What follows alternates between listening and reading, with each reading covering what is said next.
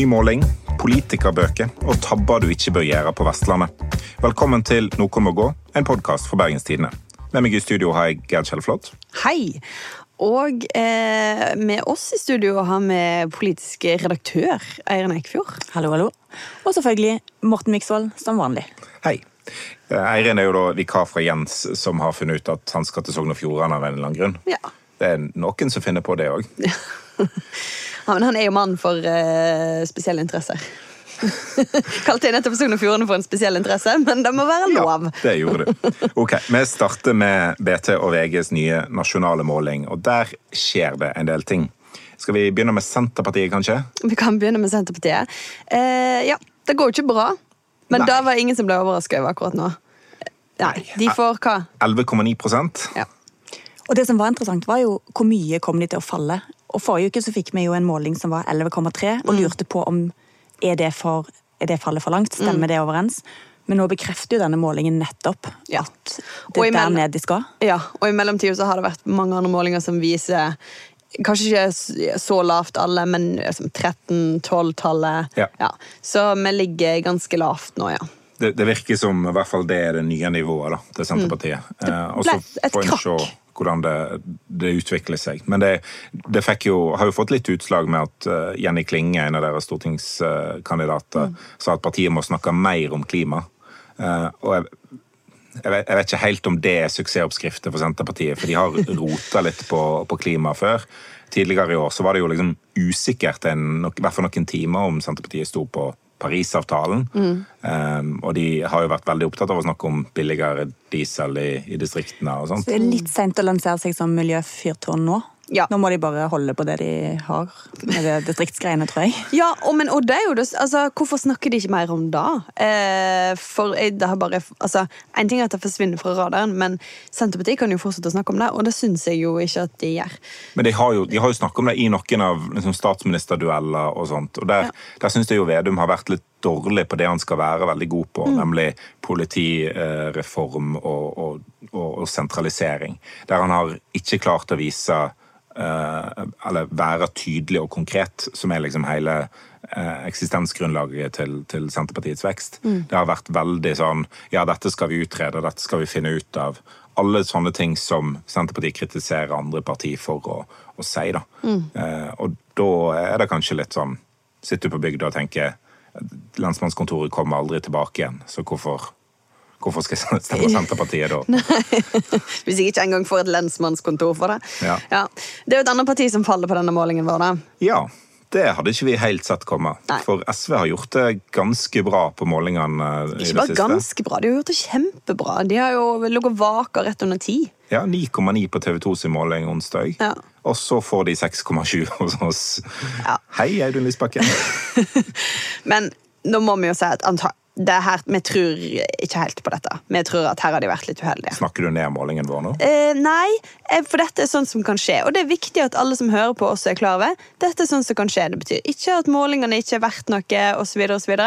Men i enkeltmålinger så kan utvalget av og til eh, slå uheldig ut for noen partier. Og det tror vi at det har gjort her. Og sånn som det er nå, så er jo faktisk SV og MDG ligger nøyaktig likt an med 6,7 begge to. Det er kanskje ikke så sannsynlig. Nei, det høres jo På sett og vis tenker jeg at da høres MDG litt høyt ut, og SV litt lavt ut. Ja, for det, De siste par ukene har, har SV hatt én annen måling på 6-tallet, én måling på 7-tallet og mange målinger på 8 og 9. Og den målingen på 6-tallet er lenge siden. Det er før 14 dager. Eh, ja, sant? Og det er jo egentlig før den store eh, veksten oh, ja. begynte. Eh, jo, men altså eh, Den tok nok ikke opp i seg hele denne klimarapporten. og alt det der. Men eh, i tillegg så gjør jo Ap det veldig godt på denne målingen. De er på hva 26 nå er? 26,6. 26 noe. Og, eh, så det er jo kanskje også en grunn til å tro at de kan ha Fordi vi ser at SV har gitt det her, er Ap, MDG, Rødt. Eh, så at kanskje Ap også er litt heldige på denne målingen på SV sin bekostning. Det er sånne ting som kan skje, rett og slett. Men til tross for det, da, så mister jo den rød-grønne Mm. blokken, altså Ap, SV, Sp, flertallet på nok en måling. Det skjedde forrige uke, Ja. og det skjer nå igjen. Ja. Nå er de nede i 82 mandater. Og de må ha 85 for å få flertall.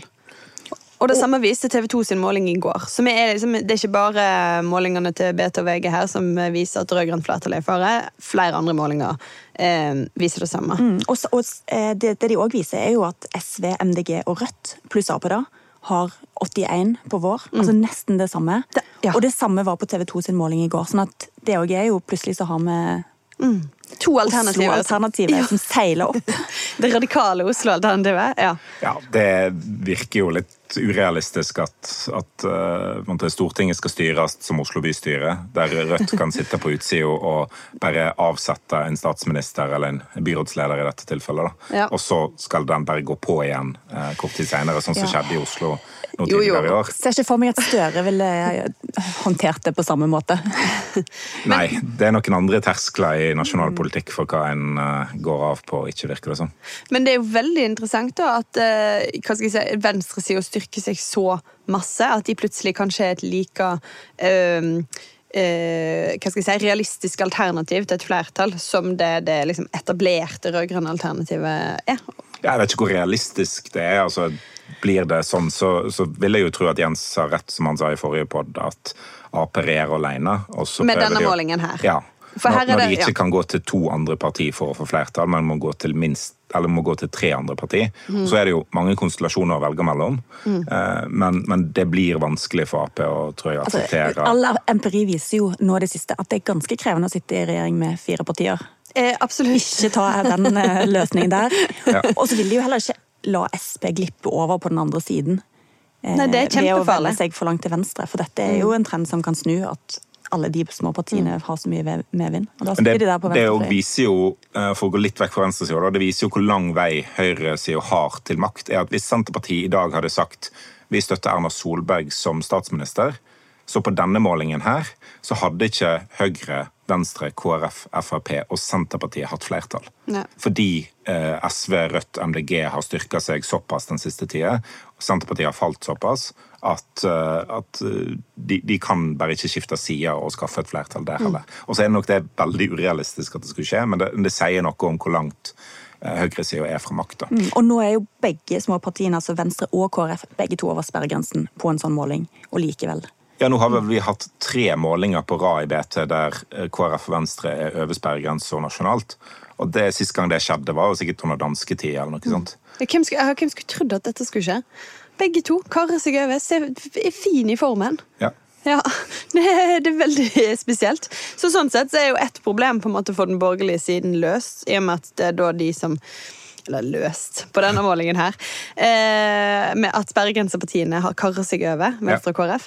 Problemet for de borgerlige er, er jo Høyre og Frp, som bare ikke gjør det godt. Ja, det er ett av problemene. Altså, Høyre og, Frp hver, begge de mangler ca. 5 prosentpoeng på valgresultatet sist. Så der er det jo mange mandat som har gått tapt.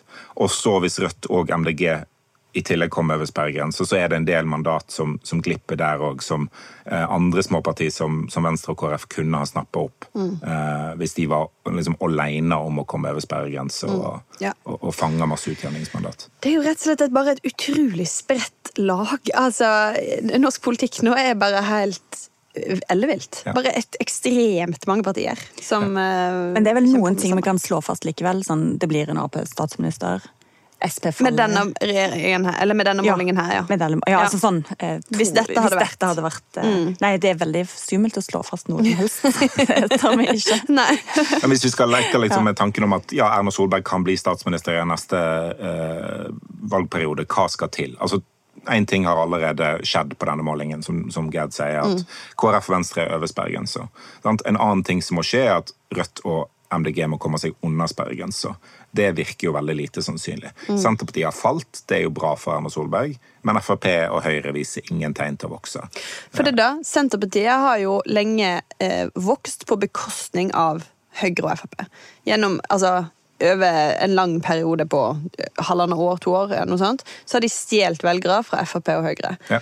Eh, nå eh, er jo dette krakket hos Senterpartiet eh, kommet, plutselig. Men hvor ble alle velgerne der av? For de kom ikke tilbake til Høyre og eh, Frp.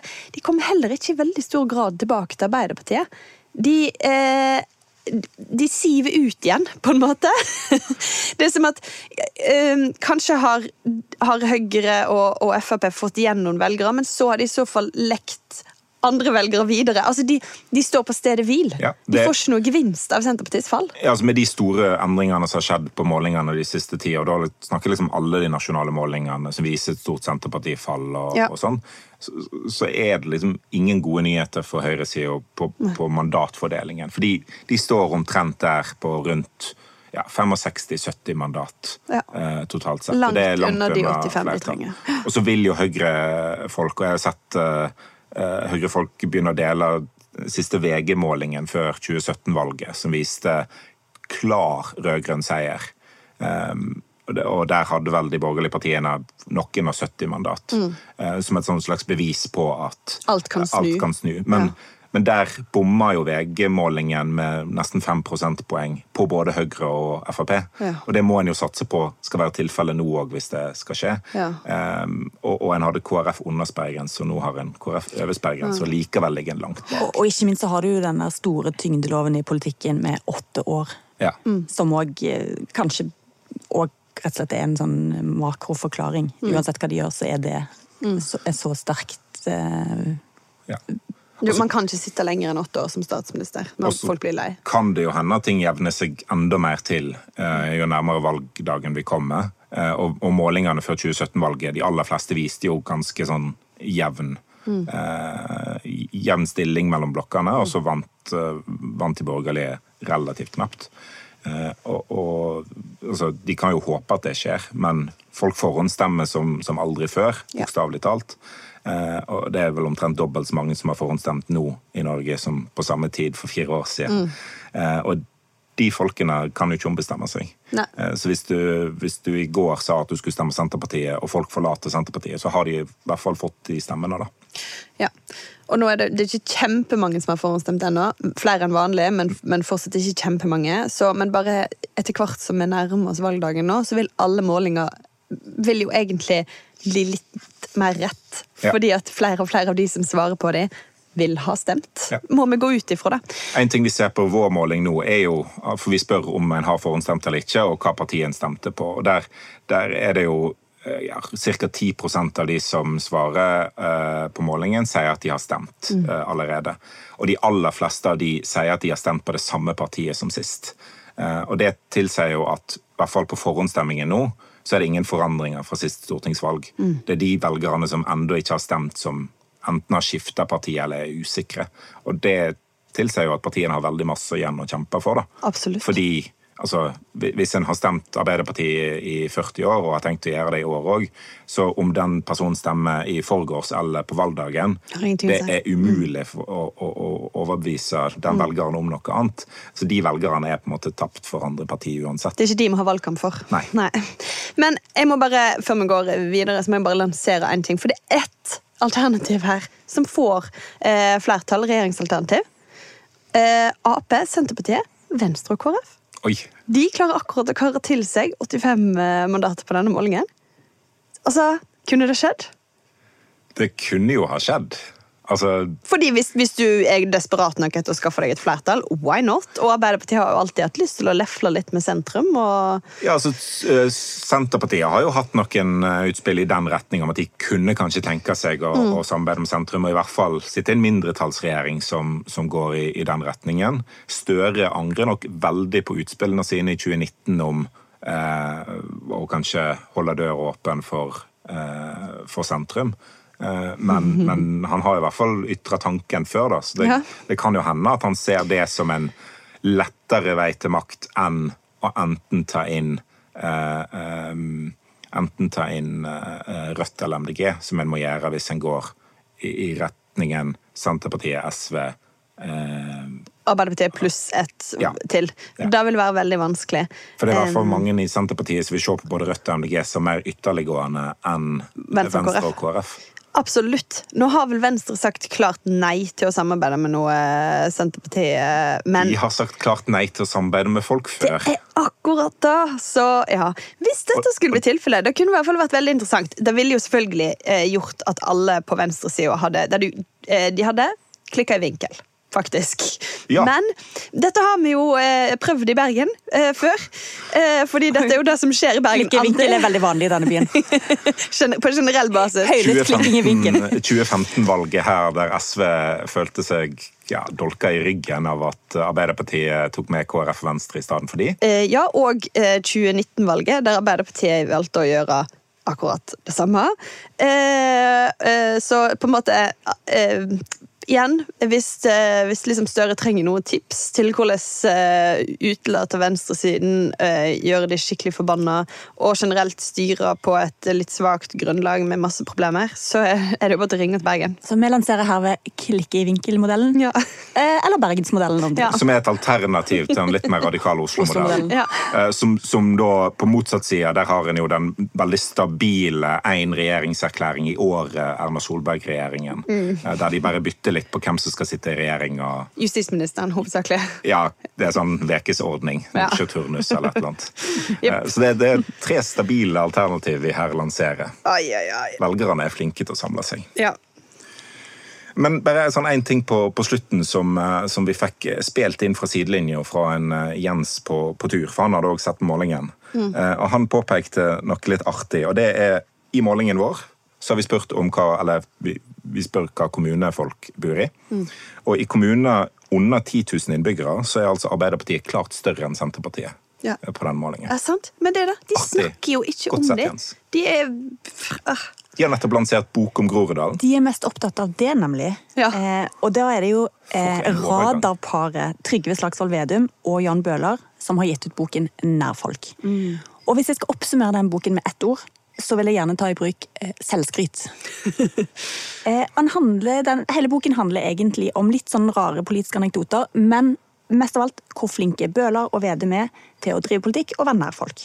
Og de er liksom ekte, jordnære ombudsmenn som tar seg tid og kjemper for den lille mann i Groruddalen og på bygda. Småkårsfolk, alle disse. Um, og gjør et poeng av at de er liksom folkets tjenere, ikke folkets herrer. Eh, for eksempel skriver Vedum at nå, når jeg de senere åra har reist rundt i landet for å møte velgerne, har jeg ofte, så ofte jeg har rukket servert kaffe. Det er bedre at jeg serverer kaffe, enn at jeg blir servert. Så en god tjener der, altså. Men der, det høres jo ut som en slags uh, veldig subtilt frieri til KrF. da. Uh, Fordi noen andre som var veldig opptatt av å ha en sånn type lederstil, var jo Jesus, som gikk rundt og vaska eh, beina til disiplene sine eh, for å vise at han liksom ikke var noe eh, Sto ikke høyere på strå enn de, bare fordi han tilfeldigvis var Guds eh, Og du orker eh, liksom ikke å vaske føttene til bønder på Nei. bygda, så da er det bedre å servere kaffe. Ja, altså eh, Vedum kan ta det et steg lenger, for å si det sånn. Bare et lite tips Det. Det er så mange tips her nå. Støre Vedum, bare ring oss. han blir redda litt av korona, kanskje. Tror ikke du var korona med å vaske føtter? Sprite hendene først, så kan det vel eh, Må vel gå greit. Sprite er et bra tips. Eh, men hvorfor, eh, hvorfor gjør de dette? Fordi, bare sånn eh, Jeg har ikke lest så mange politikerbøker i mitt liv, men min opplevelse er at de sjelden kommer ut tre uker før valgdagen. Eh, enig? Ja, det, det er relativt sjelden. Eh, og hvis en skal komme ut med noe tre uker før valget, så bør det jo være interessant. Og apropos det, for det, jeg tenker jo at det er ganske mange feller politikerbøker jeg kan gå i, og Ja. denne boken bare går i alle. For det første så avslører du ingenting. Ingenting pikant, ingenting gøy, ingenting nytt. Jan Bøhler trener, han sykler rundt i Groruddalen. Trygve er opptatt av vanlige folk. Han vil ikke bli kalt politiker, men folkevalgt, men snakker veldig masse om hvordan han er som politiker. Ja. Okay. En stykk monoman Groruddal-type, eh, og en annen eh, bare en liten fyr fra Stange. Det visste jeg. Ja. Eh, og så er det òg et triks eh, ikke vær så veldig bitter. Og til og med det, selv om eh, det klarer de òg, var veldig bitre. Ja. Eller i hvert fall eh, Bøhler, da. som Ja, for der er, er En ting som Jens trekker fram i en kommentar han skrev denne veka, var jo at Bøhler liksom trekker fram det at han satt i sentralstyret i Ap i mange år og ble aldri utnevnt til å sitte i et underutvalg. Han skriver òg at han hater å sitte i underutvalg, eh, men at det var veldig sånn parodisk at han ikke ble oppnevnt til det. Og altså, Det kan jo egentlig ganske mange i Norge kjenne seg igjen i. Det å Ja. ikke bli oppnevnt til et underutvalg av Arbeiderpartiets sentralstyre. Mm. For de færreste har jo blitt oppnevnt til det. Ja, det er sant. Så der er han veldig nær folk, tenker jeg. Mange småkorsfolk som ikke sitter i det Ja. sentralstyret.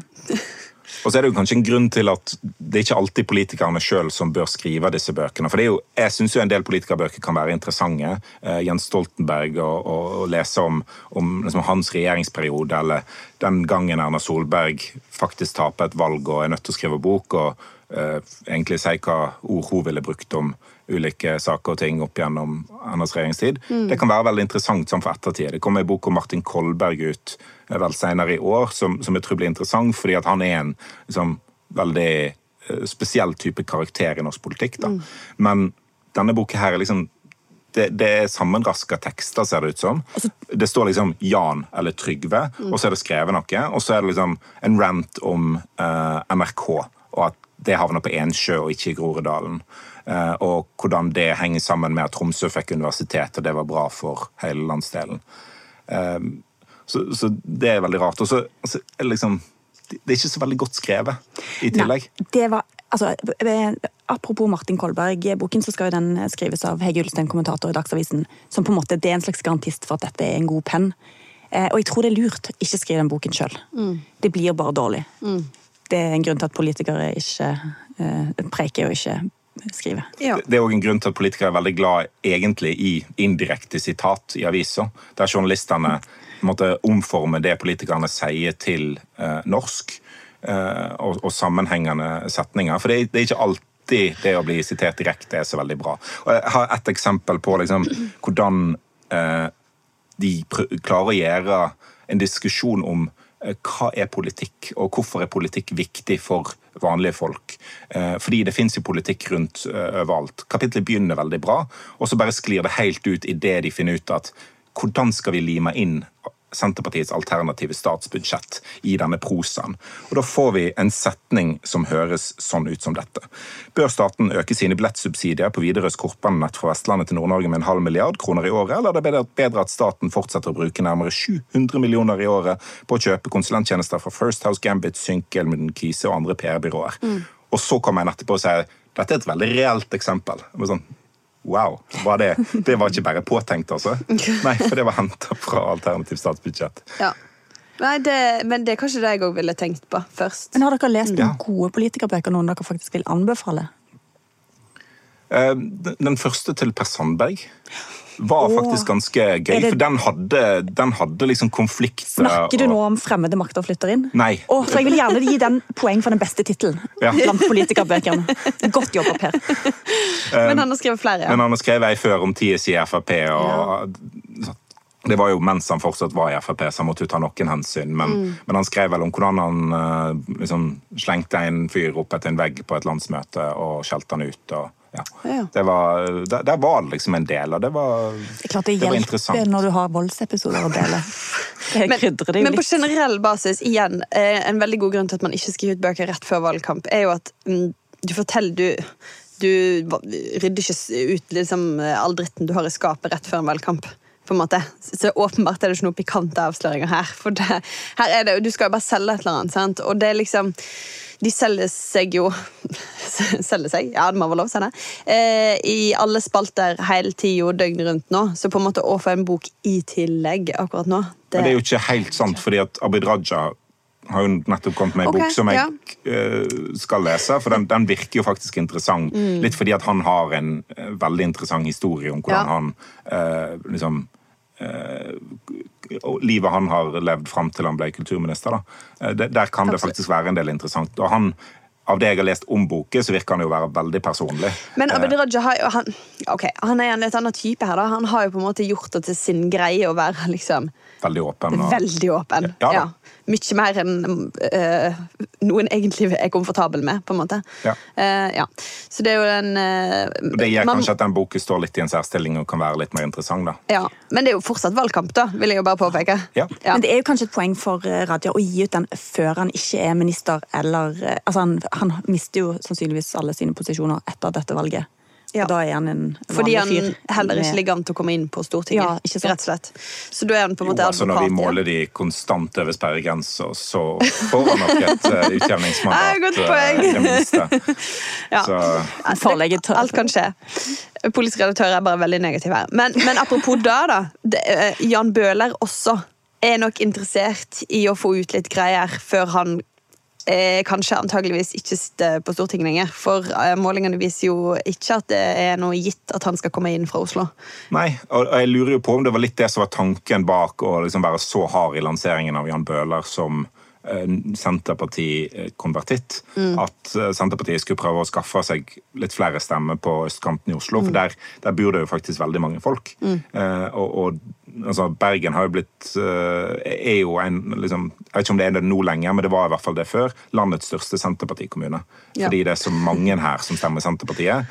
Få i, relativt få i prosent, men Mange det bor mange folk i, i byer. Eh, Og hvis en klarer å gjøre litt det samme i, i Oslo, mm. så hadde liksom Senterpartiet kunne blitt et veldig stort parti. Jeg tror nok, ja, Du har rett her at denne boken her var meint til å gis ut i en helt annen situasjon enn den situasjonen vi har nå.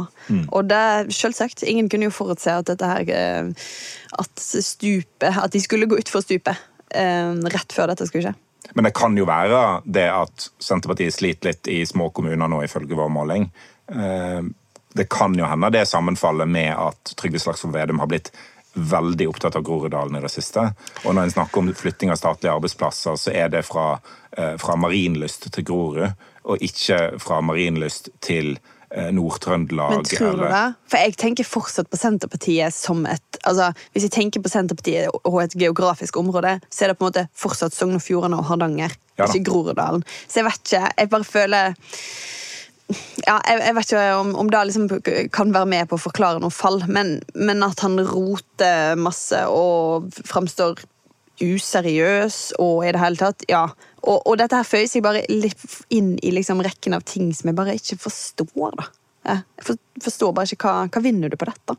Men, men. Nei, Sånn er det. de får noe å styre på. Kanskje jeg bare ikke har så lett for det. det kan jo være. Det, det er en interessant teori. Før vi går videre, så vil jeg bare reklamere litt for en ganske god pod-episode som kommer på bt.no, eller i BT-appen fredag. Eh, Da er det journalist i BT Kjersti Mjør som tar oss inn bak ei dør. Det rimte. Eh, Men den døra er Der ingen ingen har vært før, eller? Ja, veldig få i hvert fall. For som hun sier i podden, eh, at det er ei dør en vanligvis ikke kommer gjennom levende. Spennende. For hun har tatt turen til Gades institutt mm. og besøker en patolog som har i sin karriere obdusert 11 000 mennesker. Eh, and still counting. Ja.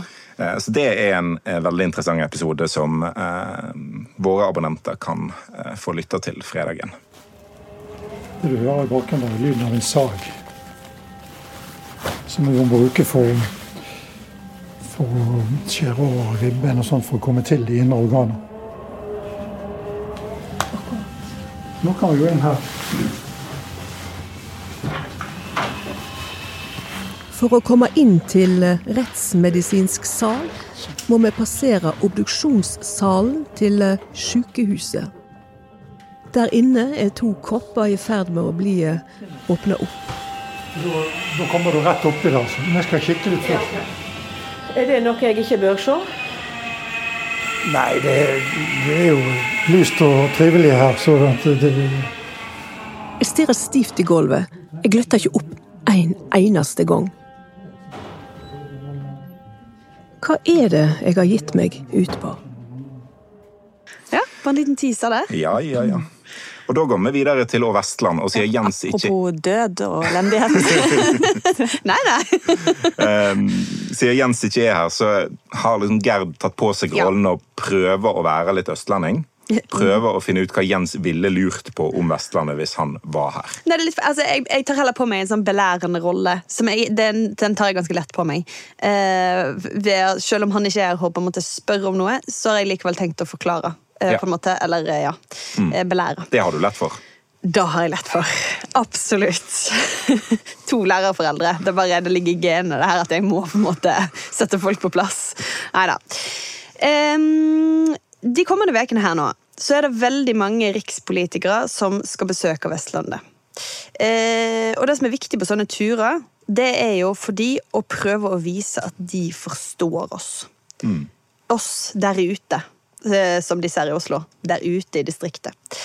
Eh, for liksom eh, Politikerne sin største svakhet vil jo alltid være at de bor i Oslo når de skal ut og vinne stemmer i resten av Norge. Og jeg tenkte at vi skal prøve å hjelpe dem. Ja. Eh, og, Snilt. ja, jeg òg syns det. Hva er dødssyndene? Hva er det de må huske på? Eh, og eh, på en måte utgangspunktet og på en måte skrekkeksempelet av alle gjennom tidene eh, er, skjedde 1. mai 1991. Da satte Gro Harlem Brundtland eh, seg på ei ferje på Sunnmøre. Og mens lokalavisene tok bilde, så fikk hun servert ei svele. Og den satt hun til livs med kniv og gaffel. Sjukt. Ja. Det, det, det føles eh, bare Det høres rart ut. Var det brunost eller Det sier eh, historiebøkene ingenting om. For det kan hende noen hadde blitt ekstra sur eller ekstra liksom Ja, ja. eh, Kunne tilgitt henne litt hvis det var ja, var smørkrem. feil. Ja. Men ok, siden dette i hvert fall da, så har jo absolutt alle politikere som noensinne har nærma seg Sunnmøre, eh, lært seg svelegrepet. For det er en helt egen ting hvordan du skal spise svele. Eh, jeg har egentlig ikke skjønt det helt, men jeg, tror- altså, jeg tror du skal legge de tre midterste fingrene over svela, og så har du vetlefingeren og tommelen under. Nå viser Gerd Altså, her. er det sånn sånn tacogrepet bare Men, ja, jeg tror det er at mye det det lekker samme det litt går i. mindre ting ut? Ja, forhåpentligvis. Eh, Ja, hvis Svelo er lagt riktig. who knows? Ja. Men, uh, men Hvis det lekker av svela di, gå tilbake til den sjølbetjente kiosken og klag. Ja, men Ikke velg denne smørkremen. Brunost er mye bedre. Da slipper Nei. du å holde så Smørkrem er best, altså. Må vi roe oss. Det er smørkrem vi skal ha. Men ok, greiene, jeg, jeg spør meg sjøl. Har det gått litt langt igjen? Fordi jeg googla svelegrepet i stad, og det som kommer opp da, er et bilde av Abid Raja som viser svelegrepet. Var det når han melker den oksen? Apropos. eh, nei, ja, det kan godt være. Og jeg bare tenker at Beklager, Abid Raja, men selv om du eh, tar svelegrepet og smiler fint i kamera, det har ingen troverdighet. For det tenker jeg er sånn em, Hvis du kommer til Vestlandet og skal ete svele, du kan bare ete svele, det er helt vanlig. Det er det jeg gjør, som er fra Vestlandet, fordi eh, jeg bare spis den helt normalt, som et normalt menneske. Er Kan jeg bare komme med litt sånn forsvar fra Gro? For det er jo sinnssykt klissete med sånn vafler og sveler. Altså, jeg, Det er jo ikke det. På Du, vegne av folk med OCD og ikke så lyst til å Men du tar jo ikke opp i syltetøyet. Nei, men det er jo Hvis svelegrepet ditt inkluderer et godt grep rundt syltetøy på da er det feil. Da er det feil svelegrep. Men jeg bare føler at det her med at du liksom kommer bare sånn Hei, hei, er politiker fra Oslo, nå skal jeg vise dere svelegrepet. Det er litt som liksom at du møter igjen eh, en person du ikke har sett på veldig lenge, som du har stalka intenst på Facebook. Da må du prøve å ikke avsløre at du har gjort det. Du må vise at du er sånn Ja, jeg veit hvem du er. Mm. Fin fjelltur du var på 14. august 2018. Er du sammen med han fyren? eh, Å, nydelige barn du har fått deg! Altså, man må liksom roe seg litt. Hold tilbake. Ikke framstå som en gal person. Ingen har lyst til at noen skal komme hjem til deg og vise deg hvordan du skal gjøre med alle tingene dine. på en måte. Altså, Men dødssynder på Vestlandet. La Ja. oss gå tilbake igjen til det. jeg vil si at dette er en dødssynd. da, Å være for intens. Ja, okay, ok, altså sånn, eh, Ta svelegrepet, men lat som du ikke har hørt om det før, for ikke å virke overinteressert. Ja, ja. Jeg, Men at dette faller naturlig for deg som en Som en sånn person. Ja, jeg er bare en person som bare veit. hvor Skjønner sveler umiddelbart. det er jo noe med at når folk eh, kommer ut til periferien fra Oslo og skal liksom se hvordan de innfødte har det da, i byer som Bergen, Stavanger eller Førde, Ja. så, så blir det jo litt rart hvis en skal være veldig eh, engasjert. Det er nå helt vanlig. Ja. Eh, Ja. Svelene er nå ikke så spesielle. Nei, de er helt greie. Helt grei. Ja, det er viktig. Andre ting. Uh, Altså, det er jo bare det, men det handler litt om det samme. Bare, men ikke oppfør deg som om det, å, det dere har er så eksotisk og så Ja. søtt. Gjerne søtt. Og dialekt. og- Altså, sånn, du, du begynner jo litt i motbakken når du snakker østlandsk i utgangspunktet. Så i hvert fall ikke si sånn 'Å, så søtt dere snakker', eller gjøre et nummer av at Så vakkert det er her. eh, Og til tross for at dere omtrent bor på en liten knaus, så har dere jo eh, ekte kaffe. Bare. Altså, ja, ja, ja, jeg vet. Overraskende vær, Ikke vær overraska over sivilisasjon. Nei, jeg er så enig. Jeg er så enig. Og, og for guds skyld, aldri sammenligne noe med Oslo. Sånn, oi, wow, her har det jo skjedd masse siden sist. Det er nesten som Grünerløkka. Aldri. Det har skjedd med deg på Møhlenpris, var ikke det? Eh, jo, det skjedde. Eh, skal ikke nevne, men det skjedde. Noen gjorde det fra et parti. Eh, bare Jeg rettesatte selvfølgelig.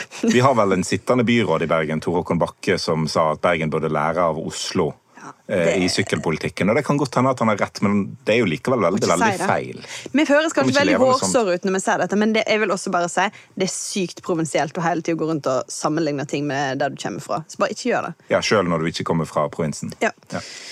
Um, en annen ting eh, er jo eh, litt i samme gate. For guds skyld, ikke kom til Vestlandet og fortell oss at vi har fint vær. For da sa Erna Solberg nå sist eh, i helga og, at det er deilig å være i Bergen, og det er nydelig vær. Det er det jo alltid i Bergen. Nei, Erna Solberg, det er det ikke. Vi som bor her, veit hva vær det er Du her. avslører bare at du aldri er her. Ja, Hvis du mener at det alltid er fint vær når du er i Bergen, da er du for lite i Bergen. Fordi to tredjedeler av tida så pissregner det. Og la oss få ha det. Jeg gleder meg til konferanselivet kommer tilbake igjen, og folk eh, liksom skal holde innlegg. og er det sånn, veldig fint vær i Bergen, og, sånn. og så begynner folk i salen å bare murre eh, når folk ser at det er fint vær i Bergen. i stedet for å smile.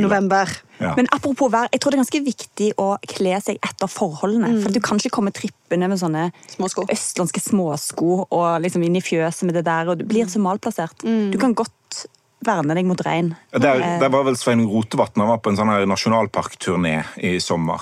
Eh, og det var En av de første nasjonalparkene han besøkte, var i Finnmark. Og Der tror jeg det var en liten kommunikasjonssvikt i, i, i departementet. Fordi han stilte opp i vel shorts og T-skjorte i knottsesongen. Eh, mens, for det var jo kokvarmt, sant? Mens, mens alle de han gikk med, gikk med, lange med langerma gensere og, og bukse og sånt. Eh, så, så sånt kan jo få deg til å se litt, litt malplassert ut. Um, Men da, da går det i hvert fall utover de sjøl. det, det gjør det. Ja, Eh, det er i hvert fall noe. ja. Ja. Og så altså liksom, for all del ikke bli overraska over at vi har dårlige veier. på en måte. Og sånn, Oi, her var det svingete. Da bør du vite. Bare, ja.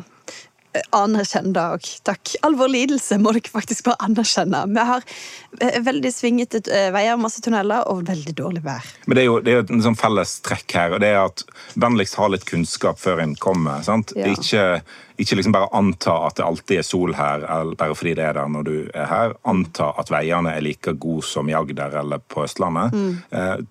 For det er de ikke. Det går an å lese seg til før en kommer. Og, og en annen ting som er vel et eksempel fra, fra denne uka. Lan Marie Berg, førstekandidat for MDG i Oslo, reiser til Stavanger eh, og på, er på Oljemuseet. Og når hun får spørsmål om hun skal besøke Equinor, eh, så sier hun vel noe sånt om at ja, de holder jo til på Fornebu, så de, de kan hun besøke.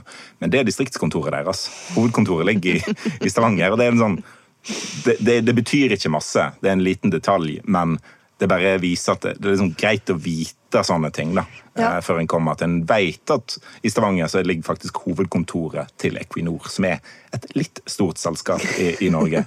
Jo, det er kanskje viktig å bare hele å vite hva er på en måte eh, sjøl, eh, hva heter det, sjølbildet til eh, folk i de forskjellige eh, landsdelene. For Du kan liksom ikke bli overrasket over at Stavanger-folk er litt hårsåre på akkurat det der. De- balanserer jo på en knivsegg her, sant? for vi vil ikke ha skryt. Nei. Det blir jo innsmigrende å si at alt er sånn hyggelig og sånn. Ja. Det funker ikke. Nei. Men vi vil jo heller ikke ha så mye sympati Nei, og litt sånn Guds nedlatende sånn da kjører dere rundt på disse veiene her og Ja, Ja, for det- stakkars folk.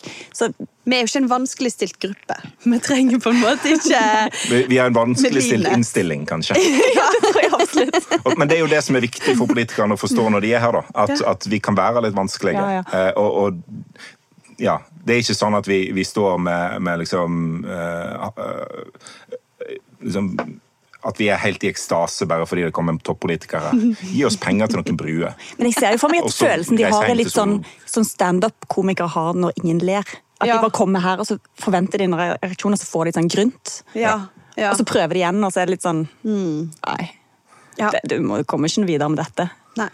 Nei, Det er krevende publikum, da. Ja. Så jeg håper dette var veldig klart for alle politikere som skal til Vestlandet. Um, ikke vær for blid, ikke kan for masse, ikke kan for lite. eh, og eh, ikke vær medliden med oss. Og Men ikke nedlatende. nei, heller ikke nedlatende. Kanskje de bare skal holde seg vekke? Jeg skjønner jo hvorfor de ikke kommer så ofte. Jeg lurte litt på hvorfor det ikke var så mange her, men jeg forklarer kanskje saken. Ja. Men neste uke blir de tvunget til å komme, for da er det jo partilederdebatt. Så da Ja. kommer jo hele gjengen. Ta notater. Det blir veldig spennende å følge med på. Jeg håper det regner. Det er alltid så fint vær når jeg er i Bergen. Før vi avslutter, er det noen som må gå denne veka? Eh, eh, Vedum og Bøhler bør kanskje bare eh, Ikke gå, men altså Komme seg ut av Groruddalen. Ja. Bitte litt. Ja, Ja. det får holde. Um, ja. Jeg tror det. Noen andre som må gå på internettet og kjøpe billetter, er du som hører på. Eh, Vi har eh, en livepod 10. september, eh, altså rett før dette stortingsvalget, som du sikkert har hørt litt om, der de aller fleste billettene nå er solgt ut, så det kan hende denne beskjeden er totalt bortkastet. Men du har mulighet, i hvert fall i teorien, til å kjøpe deg en billett, og du kan òg kjøpe verdens eneste NMG-kopp. Sykt bra. Vi gleder oss sånn til at vi snart skal få NMG-kopper i hendene våre. Ja. Ja. Innspill og tilbakemeldinger og flere dødssynder politikere kan gjøre, som f.eks. å si 'så fint det er her i eh, Førde' når du er i Florø, eh, sender du til nmg-bt.no, eller i Facebook-gruppa 'Noen må gå'. Vi er tilbake neste torsdag. Intromusikk var bergensere av Bjørn Torske. Produsent er ikke Henrik Svanvik, selv om det står oppført her. Eh, Arve Stigen er, presi- er produsent. Du finner podden i BT-appen eller hvor enn du laster ned podkaster fra Verdensveven. Ha det bra! Ha det!